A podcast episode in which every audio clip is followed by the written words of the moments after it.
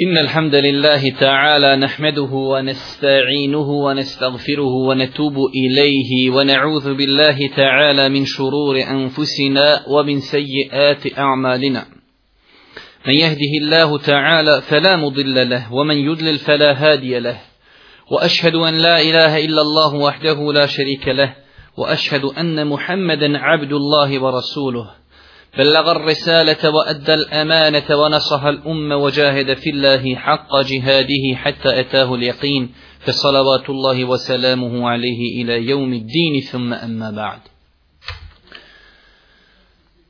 Braćo moja draga, kao što znate, ove zime mi smo pokrenuli jedan serijal predavanja u kojem komentarišemo 40 hadisa imama Nevevija.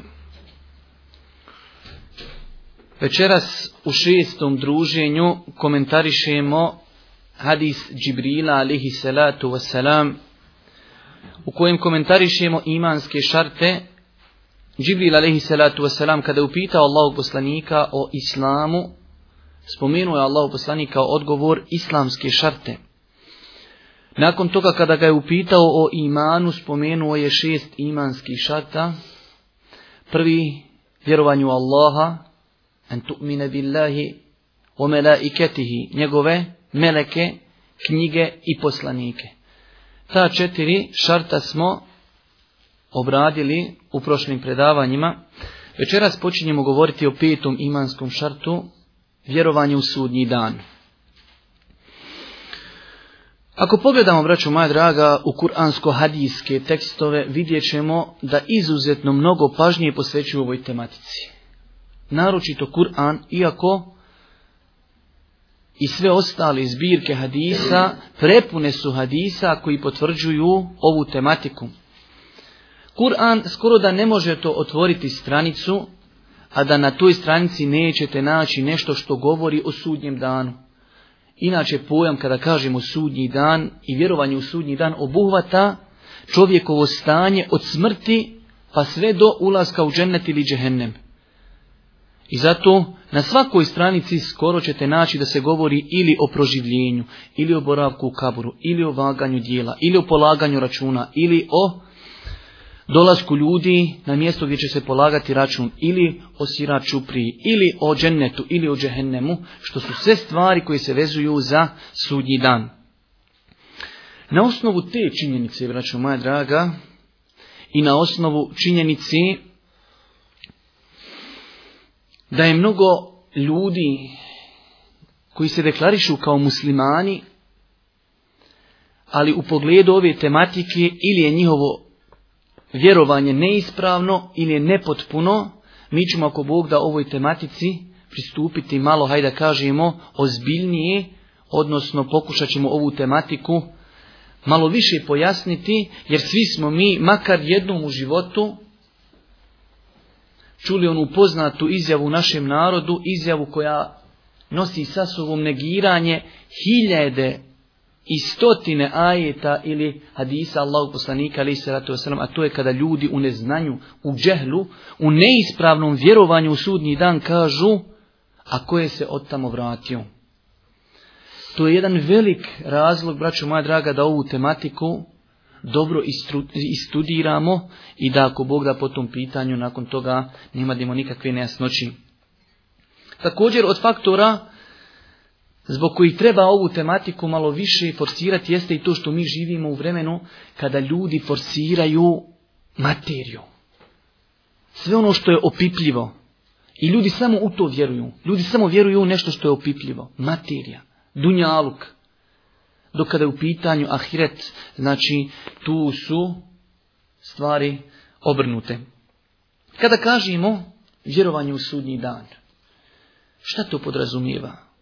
To, braću moja draga, kao što smo spomenuli malo prije, podrazumijeva sve ono što će se desiti od čovjekove smrti, počevši od kaburskog života, uživanja ili patnje u kaburu. Nakon toga proživljenje, nakon toga sakupljanje ljudi, nakon toga šefaat, zauzimanje Allahu poslanika alaih salatu wasalam, nakon toga polaganje računa, nakon toga prelazak preko sirata i nakon toga ulazak u džennet ili u džehennem. Znači to je, sve obuhvata ovaj pojam vjerovanje u sudnji dan. I mi ćemo o svim ovim stvarima, ako Bog da, u naredna dva ili tri predavanja govoriti, ako Bog da, o svim ovim stvarima pojedinačno. Ako pogledamo u Kur'an, vidjet ćemo, braćo moja draga, da Allah Đelešanu kada govori o sudnjem danu, dosta puta ga spominje zajedno u kontekstu vjerovanja uzvišenog Allaha subhanahu što zasigurno ukazuje na bitnosti tematike. Sjećate se dosta puta kada slušamo predavanje o dobročinstvu roditeljima. Pa tamo uvijek učenjaci kažu Allah Đelešanu odmah nakon svog prava spomenuje pravo roditelja. E tako i ovo, vjerovanje u sudnji dan, uzvišeni Allah na više mjesta u Kur'anu spominje vjerovanje u sudnji dan odmah nakon vjerovanja u Allah Đelešanu. Ili povezuje ta dva faktora i te dvije činjenice. Pa na primjer jedan poznati kuranski ajet kojeg dosta puta citiramo i sa njim mnoge stvari dokazujemo kuranski ajet u suri Al-Baqara gdje kaže uzvišeni Allah Lejse birra en tuvallu vujuhakum qibala al-mashriqi wal-maghrib walakin al-birra men amene billahi wal yawmil akhir. Nije kaže samo čestitost u tome da vi okrenite svoje lice istok ili zapad. Kao da namaz obavite, vanština, forma, ne. Već je bitnost, već je iman Olakin el bir, dobročinstvo, da kaže vjerujete u Allaha i sudnji dan. I onda nakon toga uzvišeni Allah subhanahu wa ta'ala nabraja još mnoga svojstva koja bi trebala da se nađu pri mu'minu vjerniku. Ali prva dva svojstva da vjerujete u Allaha i šta? Da vjerujete u sudnji dan. Mnogo je tih ajeta koje sam ja ovdje pripremio da ispomenimo kao dokaz toga, ali onaj, zadovoljit ćemo se sa ovim jednim kuranskim ajetom u kojem smo vidjeli da Allah Đelešanu odmah nakon vjerovanja spominje vjerovanje u sudnji dan. Što sigurno, poznavajući stil arapskog jezika, ukazuje na bitnost te tematike.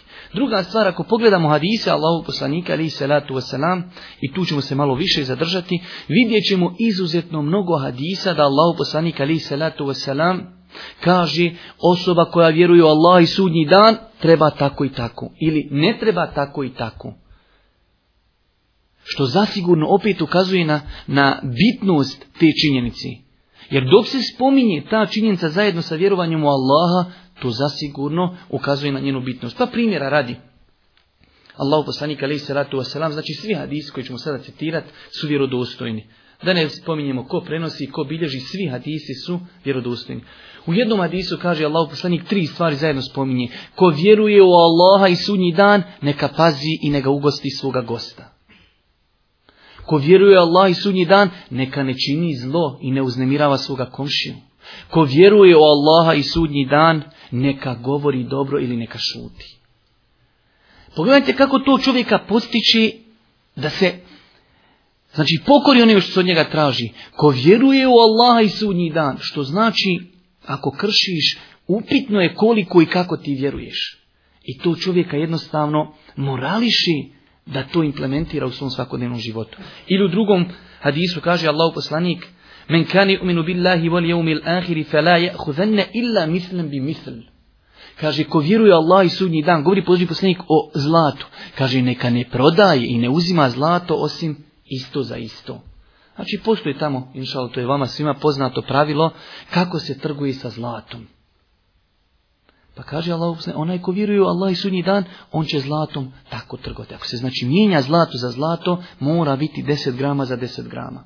Ako ćeš zlato za zlato, E ako je nečije zlato staro, a nečije novo, hoćeš da to izvini, onda ti prodaj svoje zlato, pa uzmi pare, pa onda kupi ili manje ili više novijeg zlata ili starijeg zlata. Također kaže Allah poslanik ali salatu wasalam, ko vjeruje u Allaha i sudnji dan, neka ne sjedi na sofri na kojoj se okreći alkohol. I sutra čovjek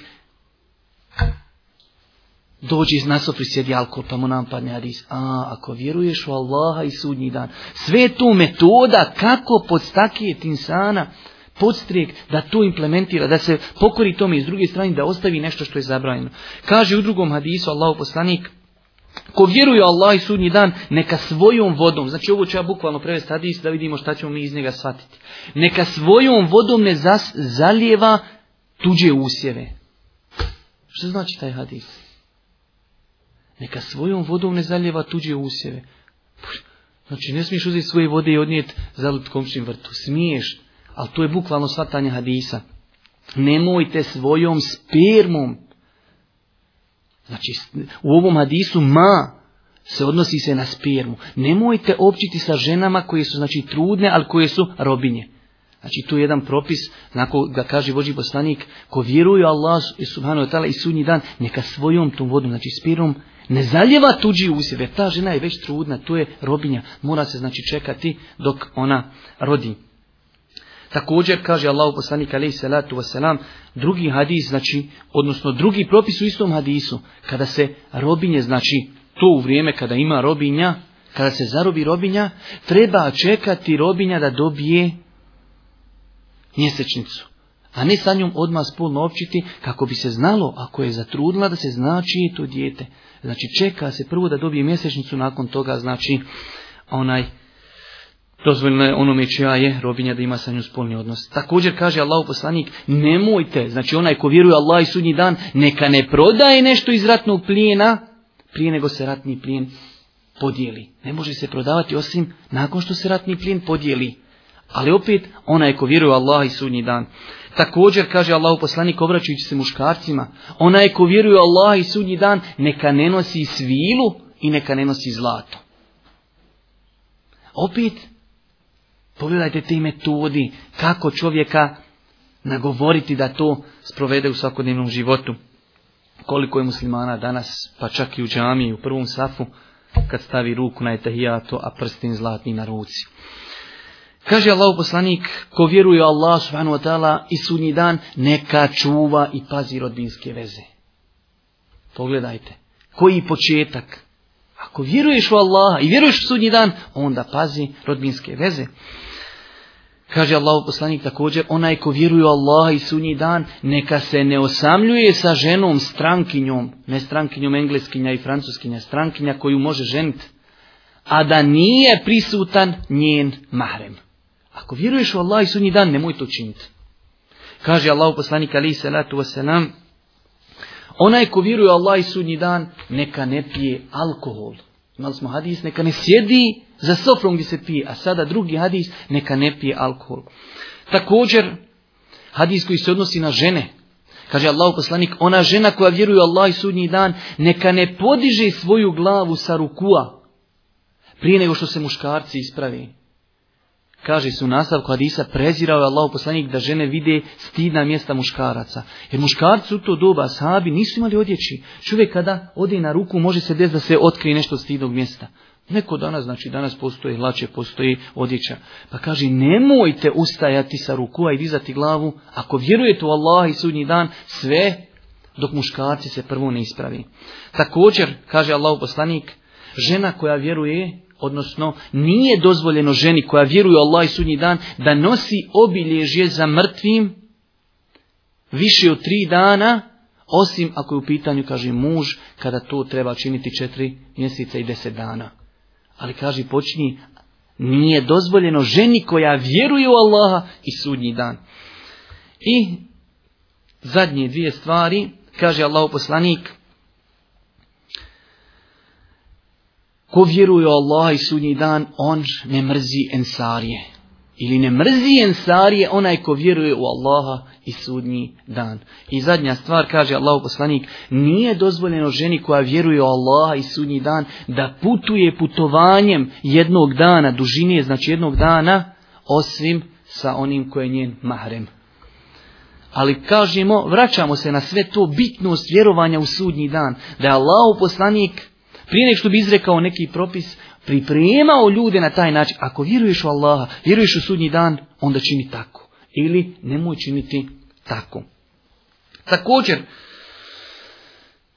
jedna činjenica koja potvrđuje koliko pažnje ova naša vjera posvećuje sudnjem danu i tom imanskom šartu jeste činjenica s koliko imena je kuransko-hadijski tekst nazvao sudnji dan.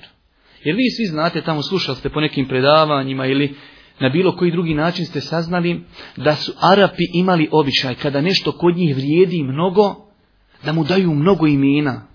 Pa primjera radi kod njih je u to vrijeme sablja. To je bio znači pokazatelj hrabrosti, muškosti ili šta ja znam.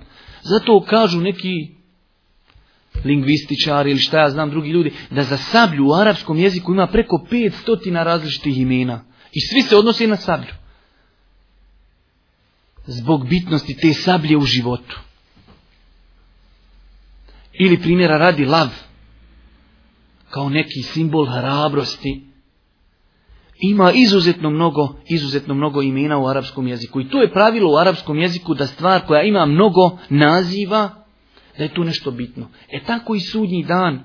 Ako pogledamo Kur'an, primjera radi, vidjet ćemo da je u Kur'anu sudnji dan spomenut sa možda preko 20 različitih imena. Što je dovoljno, sudnji dan i gotovo.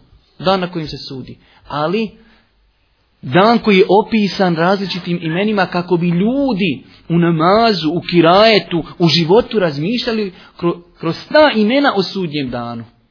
Pa ćemo mi rezimirano, ako Bog da, sve ovo večeras jedan veliki uvod u vjerovanje u sudnji dan. Spomenuti nekoliko tih imena, a ne sva. Prvo ime, poznato svima nama, je umul ahir, posljednji dan. Znači, to je posljednji dan. Nakon toga više nema dana. Nakon toga nastupa vječnost. I zato kada čovjek čuje tamo u Kur'anu, voli jaumil ahir, ko vjeruje Allah i sudnji dan, posljednji dan, ne može toga da na njega ne ostavi traga. A, pa šta ja radim? Pripremam li se ja za taj zadnji dan? Šta sam ja pripremio za sudnji dan? Kako ću ja položiti račun na sudnjem danu? Također, jedno od imena jeste Jeumul Azife. Azife u arapskom znači nešto što će neminovno doći. Nešto što je u skoroj budućnosti. Zato, zašto je sudnji dan nazvan Jeumul Azife? Zato što je blizu. Neminovno će doći. Samo što nije došao. Zato kaže uzvišeni Allah وَأَنْذِرْهُمْ يَوْمَ azifa Opomeni, upozori na blisko sudnjeg dana. A pazi, nema vremena, nemaš se kad igrat. Nema vremena za, za igrice. Život čovjeka mu'mina treba da bude ozbiljan u svakom pogledu, jer sudnji dan samo što nije nastupio. Zato kaže Allah u poslaniku hadisu muslima, ima jedna, jedan lijep uvod u taj hadis. Džabir radijallahu talanu kaže Allahu poslani kada bi držao hudbu. Kaže njegovi oči bi pocrvenile. Podigao bi svoj, kaže, glas, žestoko bi pričao. Naljutio bi se, kaže, izgledao bi kao onaj ko ukazuje i upozorava na dolaziću vojsku i kaže imao je običaj na hudbi da govori ja i sudnji dan smo poslani kao ova dva pa bi pokazao kaži prstom i srednjim prstom. To je ono zbog čega smo citirali kur, ovaj hadis Allahu poslanika koji je zabilježio ima muslim od džabira da je sudnji dan blizu. Kaže mi smo poslani ja i sudnji dan kao ova dva prsta. Pogledajte kako su blizu ova dva prsta. A već do sad je prošlo 1400 godina. Od smrti Allahu poslanika ali i salatu wasalam. Znači, kako je tu blizu, braću moja draga? I e, zato su ta imena kroz Kur'an protkana da bi čovjek razmišljao o tim imenima, o sudnjem da O anzirhum jeumel azife. Upozori na sudnji dan, ali pogledajte izraza, na dan koji će uskoro doći. Također, od imena sudnjeg dana jeste jeumul Bas dan proživljenja. Zašto se zove sudnji dan, dan proživljenja? Zato što će ljudi u tom danu biti proživljeni i polagati račune. Pa čovjek kada čuje u Kur'anu Jeomul ba'th, dan proživljenja. Uf, šta sam pripremio?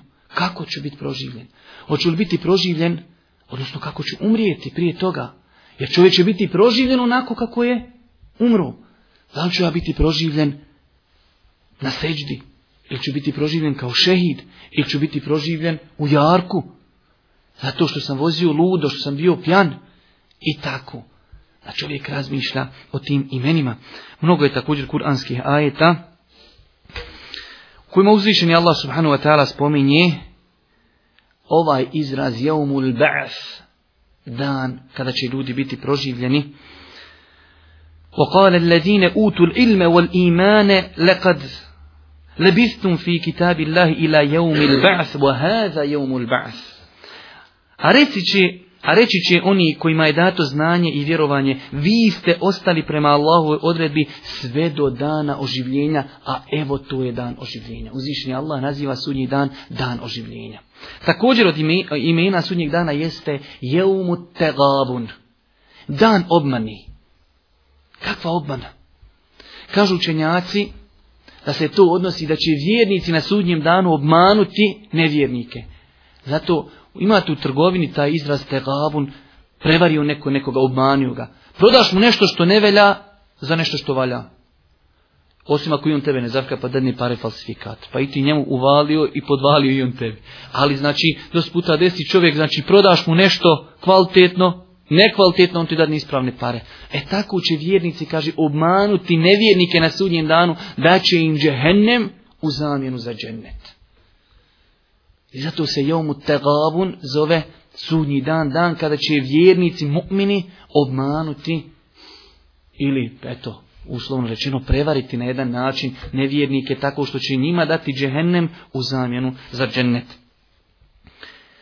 Imate kuranski ajt sama sura se zove Tagabun, jeume jeđme'ukum, jeume l'đem'i, velike jeumu Tagabun, a onog dana kada vas on na onom svijetu sakupi, to će biti dan obmani.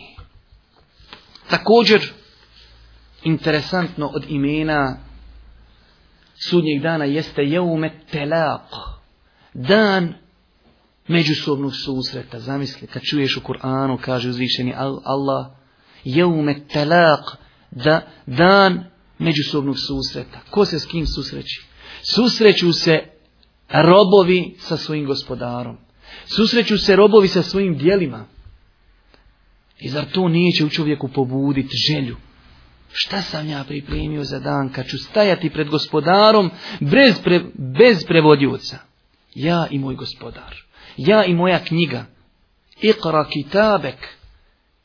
Uči svoju knjigu. Čitaj, evo ti šta si radio. Također, od imena sudnjeg dana jeste jeumu tenad, dan međusobnog dozivanja. Allahu akbar. Vjerujte, braću moja draga, ova imena sudnjeg dana, to tako čovjeka treba, treba da ostavi na čovjeka traga. Pogledajte, jeumu tenad, dan međusobnog dozivanja. Ko će se s kim dozivati? Dženetlije i džehenemlije se dozivaju. Kaže uzvišeni Allah o ja inni ahafu alaikum jaumet tenat. O narode moj. Znači govori o poslanicima kako su govorili svom narodu pa kaže o narode moj plašim se šta će biti s vama na dan kada budete jedni druge dozivali. Imate kuranske ajete pogotovo u suri El-A'raf gdje Allah Đelešanuhu spominje razgovor, dijalog između džennetlija i džehennemlija. Pa kaže Prvo stanovnici dženneta. I stanovnici dženneta će stanovnike vatre dozivati. je početak sure, znači ne početak, ali prije nego što džehennemlije njih dozovu. Pa kaže, stanovnici dženneta će dozivati stanovnike džehennema. Mi smo našli da je istina ono što nam je gospodar naš obećao. Pogledajte što kažu. Mi, ono što nam je obećano u Kur'anu, mi u džennetu, Boga mi sve kako s nami je obećano. Jeste li vi, kaži, hel džetum jeste li vi našli ono što je vama obećano u džehennemu istinom? Alu naam, jesmo, kaže.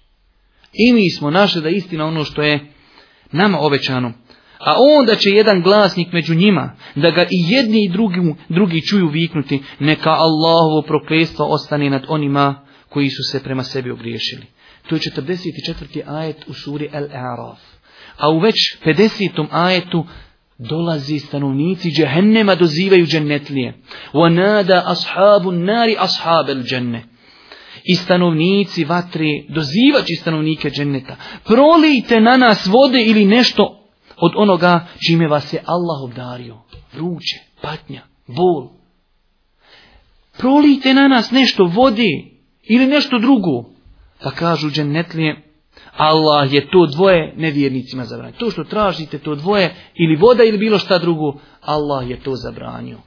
To je taj razgovor dženetlija i Je Jeumet tenad. Dan dozivanja međusobno. Kad čovjek sutra sluša Kur'an pa kaže tamo je يَوْمَ tenad. Ili kao što kaže Inni khafu alikum yawm at ja se za vas bojim tog dana doziva. Šta ste vi ljudi pripremili za taj dan dozivanja? Ili umul hisab, dan polaganja računa. Sudnji dan se zove također dan polaganja računa i jasno je zašto je nazvan tim imenom. Zato što će taj dan biti dan Femen jamel miskale zarratin Ako vidi ko uradi trun dobra, vidjet će ga. E to je taj hisab. Govorit ćemo ako Bog da, kroz naša predavanja i o mizanima, i o vagama, i o dijelima, i o svemu tome. Ali sada govorimo o imenima. Ko uradi trun dobra, vidjet će ga na danu jeumul hisab, na danu kada se polažu računi. Također, taj dan se zove jeumul hasra, dan tugi, dan kada će nevjernici i nasilnici i griješnici žaliti zbog onoga šta su činili na Donjaluku. A tu čovjek opet u tome uzima pouku. A, pazi, nemoj da budeš od onih koji će na sudnjem danu biti od onih koji će tugovati. Već se pripremaj već danas za taj dan. Jeumul hulud, dan vječnosti. Tu je dan vječnosti. Nakon toga više nema dana. Dan vječnosti. Nakon toga počinje vječnost.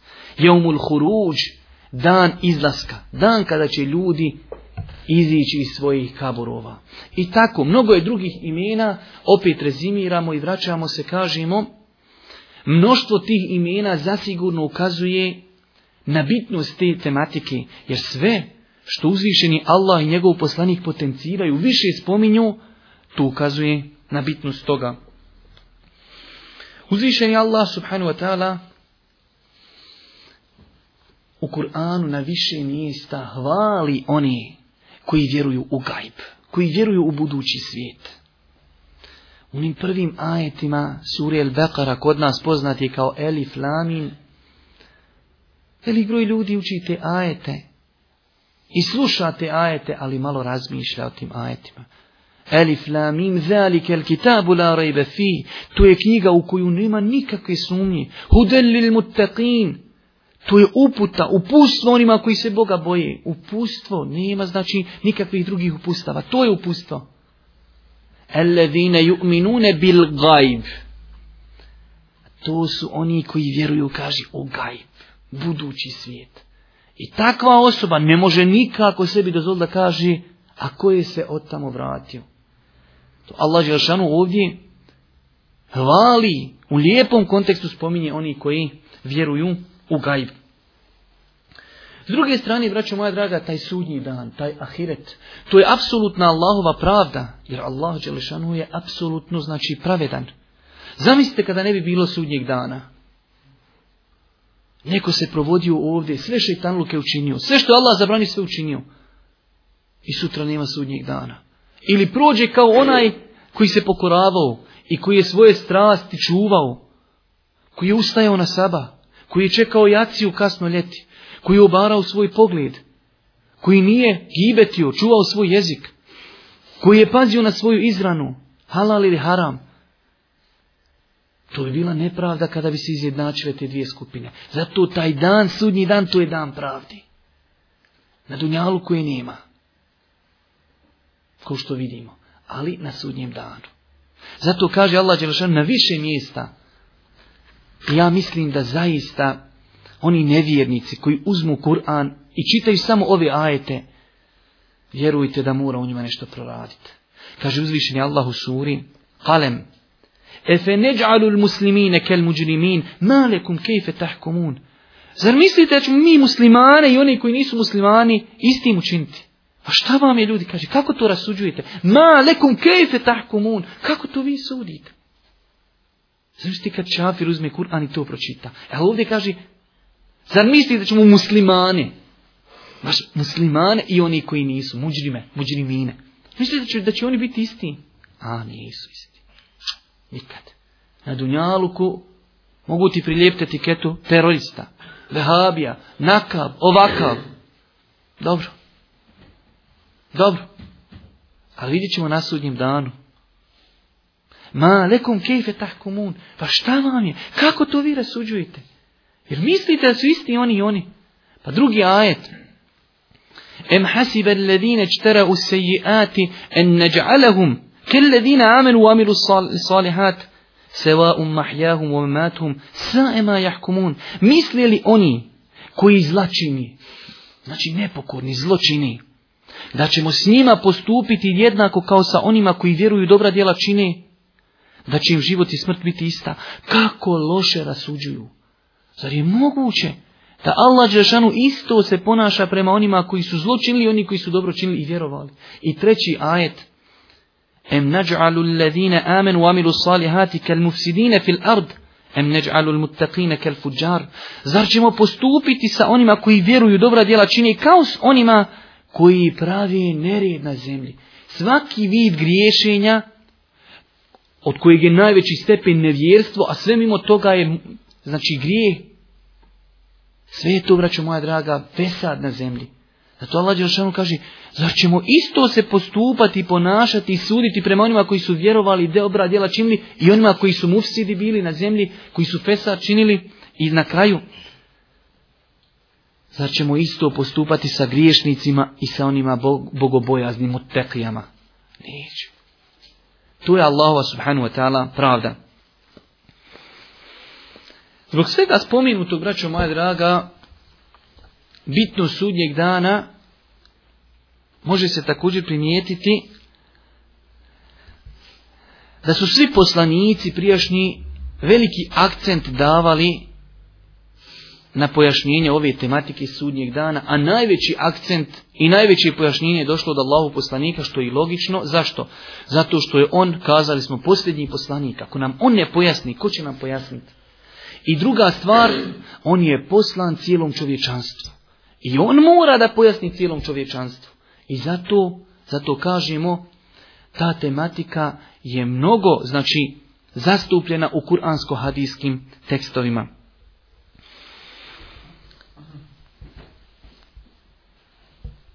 I da još malo nešto progovorimo kako bi nam sutra ako Bog da bilo manje. Pogledajte samo, vraću moja draga, a sve je tu ciljano. Jer pogledajte, možda mi ovdje nemamo sa tim problema. Ali ćete možda neko upitati, neće znati odgovoriti. A živimo u takvom društvu gdje nam ateizam kuca na vrata baš dobro. Do te mjeri znači da, da je normalno da musliman pa vjerujte, čak čovjek klanja, ide u džamiju siroma i kaže ti, ma kakvi? Na koji se do tada vratio? I to ja nisam nikad čuo od nevjernika koji se deklarišu od mati, od frani. To sam jedino što sam ja čuo, čuo od muslimana, ljudi koji se deklarišu kao muslimani.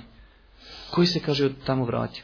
Pogledajte na koliko načina različitih metoda Kur'an dokazuje i pokazuje da će biti sudnji dan i da će ljudi biti proživljeni. Problem je što ljudi ne mogu da shvati da neko bude zakopan u kabur. A govorit ćemo ako Bog da sutra malo detaljnije od toga, o tome kako islamski učenjaci gledaju na život u kaboru. Ne mogu da shvati da čovjek bude u kaboru i istrunu njegove kosti, osim čega, osim rijepnjači, i da nakon Allah zna koliko godina bude proživljen. To im je teško pojmiti. Pa Allah Đelešanuhu, znajući da mi sve te stvari gledamo kroz taj neki opipljivi svijet i kroz materiju, na više načina prilazi toj tematici. Prva stvar, uzvišeni Allah, to je najviše za vjernike. Naređuje uzvišeni Allah poslaniku da se zakuni poslanik uzvišenim Allahom da će ljudi biti proživljeni. Ne treba se poslanik zaklijesti. Dovoljno je da mu'minu kaže bit ćeš proživljen i gotovo.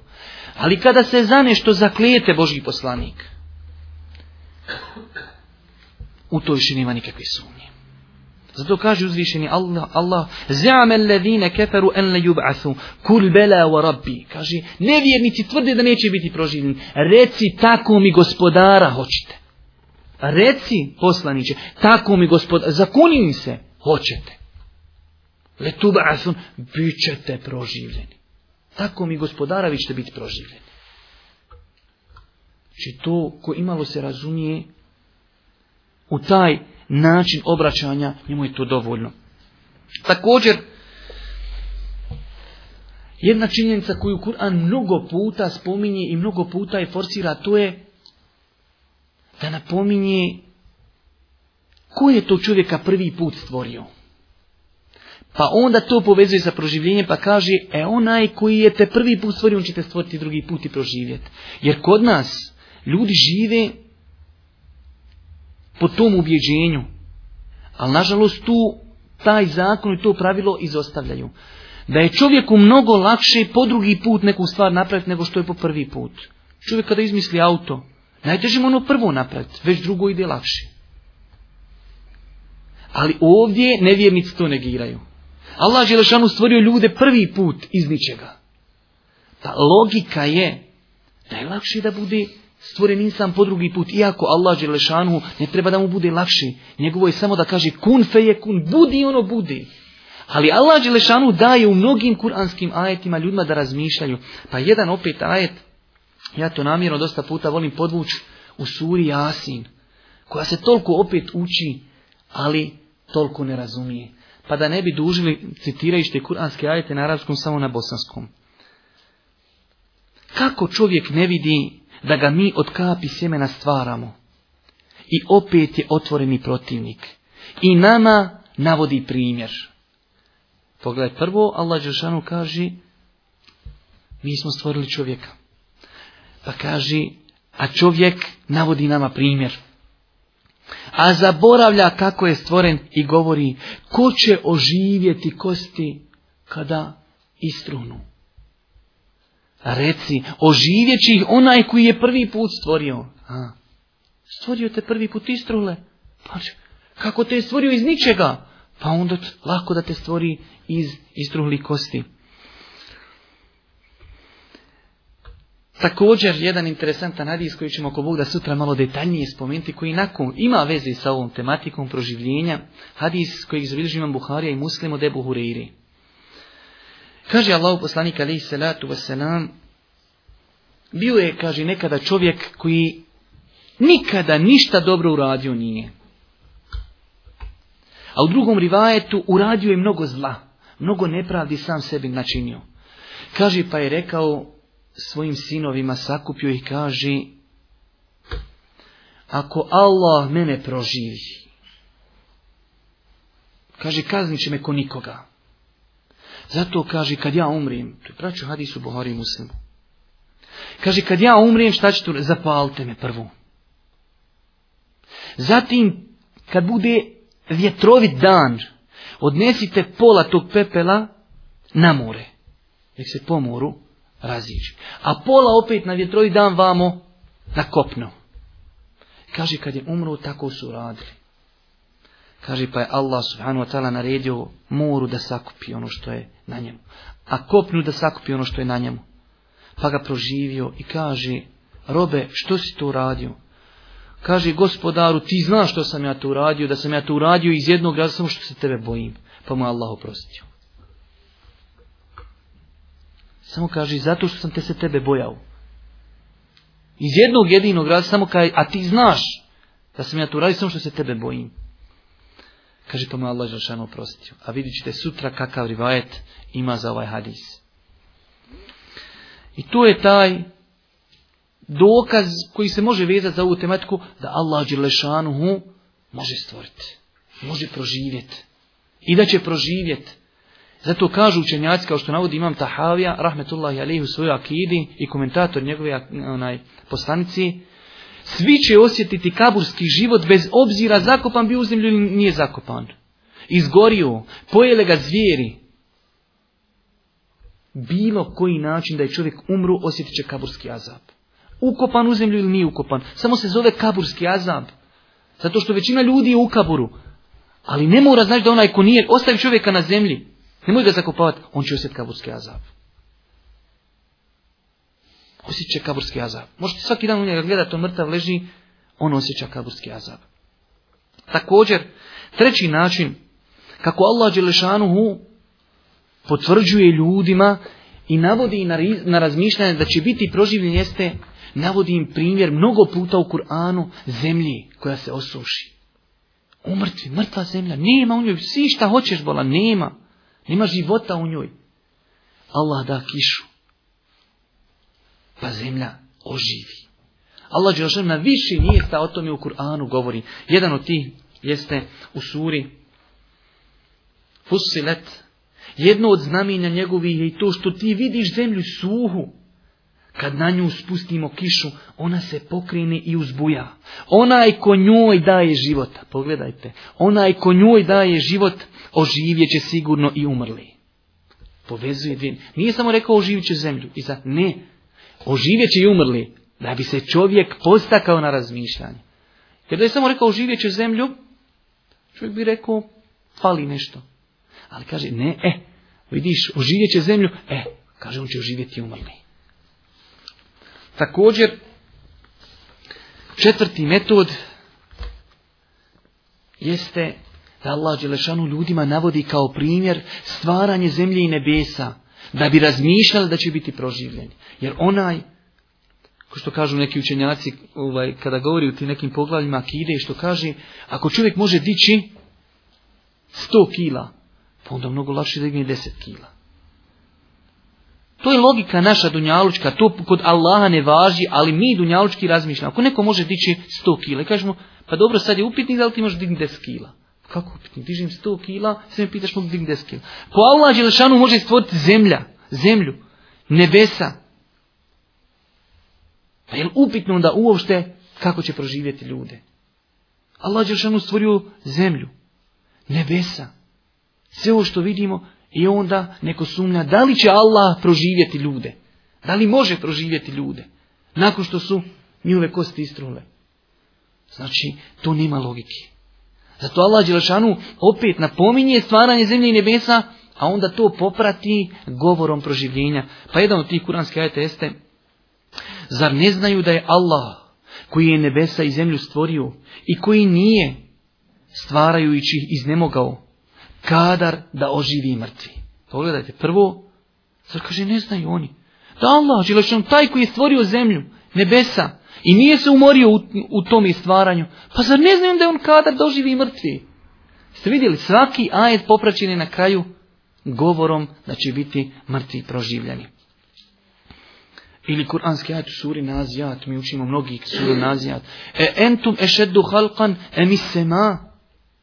Jel teže vas stvoriti nebesa? Allah otvoreno pita. E entum ešeddu halkan emisema. Je li vas teže stvoriti ili nebesa. Šta je teže stvoriti? Benaha, a on je nebesa sazdao i stvorio. I zadnji način, pijeti način, time ćemo ako Bog da završiti, jeste da Allah Đelešanuhu spominje u Kur'anu, kao i Allah u poslaniku Adisima, da su mnoge osobe kroz historiju bile, umrle. Pa je Allah Đelešanu oživio ih da ljudi svate Allahovu moć. Imate u Kur'anu, u suri Bekara više od četiri ili pet mjesta gdje Allah pokazuje i navodi primjere ljudi koji su umrli ili njegovu mogućnost da nekoga oživi i proživi. Pa sjećate se kuranski ajto o Ibrahimu a.s. i pticama. Pa slučaj, kao što neki kažu da je to bio uzir a.s. Onaj, kada je prolazio kraj onoga mjesta, uništeno mjesto, kaže, ko će ovo živjeti? Kaže, pa ga je Allah usmrtio, govori iz Kur'anske ajte suri Bekara. Fa am, pa je ga usmrtio sto godina. Krajnje, krajnjega njegova hrana i magarac. Kad je ustao, kaže, hrana onakva kakva je on ostavio. A magarac istruo. Pa Allah kaže, prvo njega ono življe, znači to je dokaz. A druga stvar kaže, pa je, kažem, kosti obložio mesom i udahao dušu tog magarca. A taj čovjek sam je bio dokaz da je sto godina ostao tu. Ili imate onaj također događaj koji govori tamo o židovima, kada je neko ubio čovjeka pa se ne zna kojega ubio. Pa kaže uzvišeni Allah, فَقُلْ نَضْرِبْ فَقُلْ نَضْرِبُوهُ بِبَعْضِهَا كَذَلِكَ يُحْيِ اللَّهُ الْمَوْتَ وَيُرِيكُمْ آيَاتِهِ لَعَلَّكُمْ تَاقِلُونَ Mi smo rekli, udarite ga jednim njenim dijelom, znači dijelom kravi. Udarite ga, i eto tako Allah vraća mrtvi u život i pruža vam dokaze svoje da biste shvatili.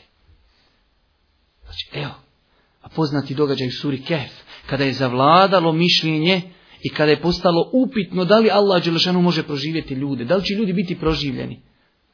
Pa se ti momci nakon 309 godina bude, odnosno oživljeni su ponovno nakon 300 godina, da bi Allah dao dokaz još na Dunjaluku, baš oči dokaz, evo ljudi su toliko bili uspavani, umrtljeni, pa su sada oživjeli.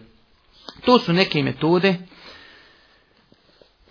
i načini kako uzvišeni Allah u Kur'anu pojašnjava da će ljudi biti na sudnjem danu proživljeni. Ako Bog da sutra već počinjemo sa izuzetno interesantnim stvarima u kojima ima dosta i odgojnog karaktera, kazali smo da su općentova predavanja edukativnog karaktera, ali eto, uvijek se tu nađe nešto što bi na čovjeka moglo ostaviti nekog traga kada je u pitanju odgojna ta strana, a sutra već počinjemo ko Bog da govoriti o tragovima koji na čovjeka ostavlja vjerovanje u sudnji dan. Govorit ćemo znači o vrstama vjerovanja u sudnji dan i nakon toga ćemo početi nekim redom od kaburskog zaba pa nadalje proživljenje, sakupljanje ljudi, šefat Allahovog poslanika, polaganje računa, pa ćemo vidjeti ako Bog da koliko ćemo sutra uspjeti toga završiti. Molim Allah, Đelšan, da ono što smo čuli bude dokazom za nas, a ne protiv nas. Molimo ga, subhanu wa ta'ala, da nas poduči propisima naše vjeri i na kraju, subhanika Allahume ve bihamdike, ešhedu en la ilaha illa ente stagfiruke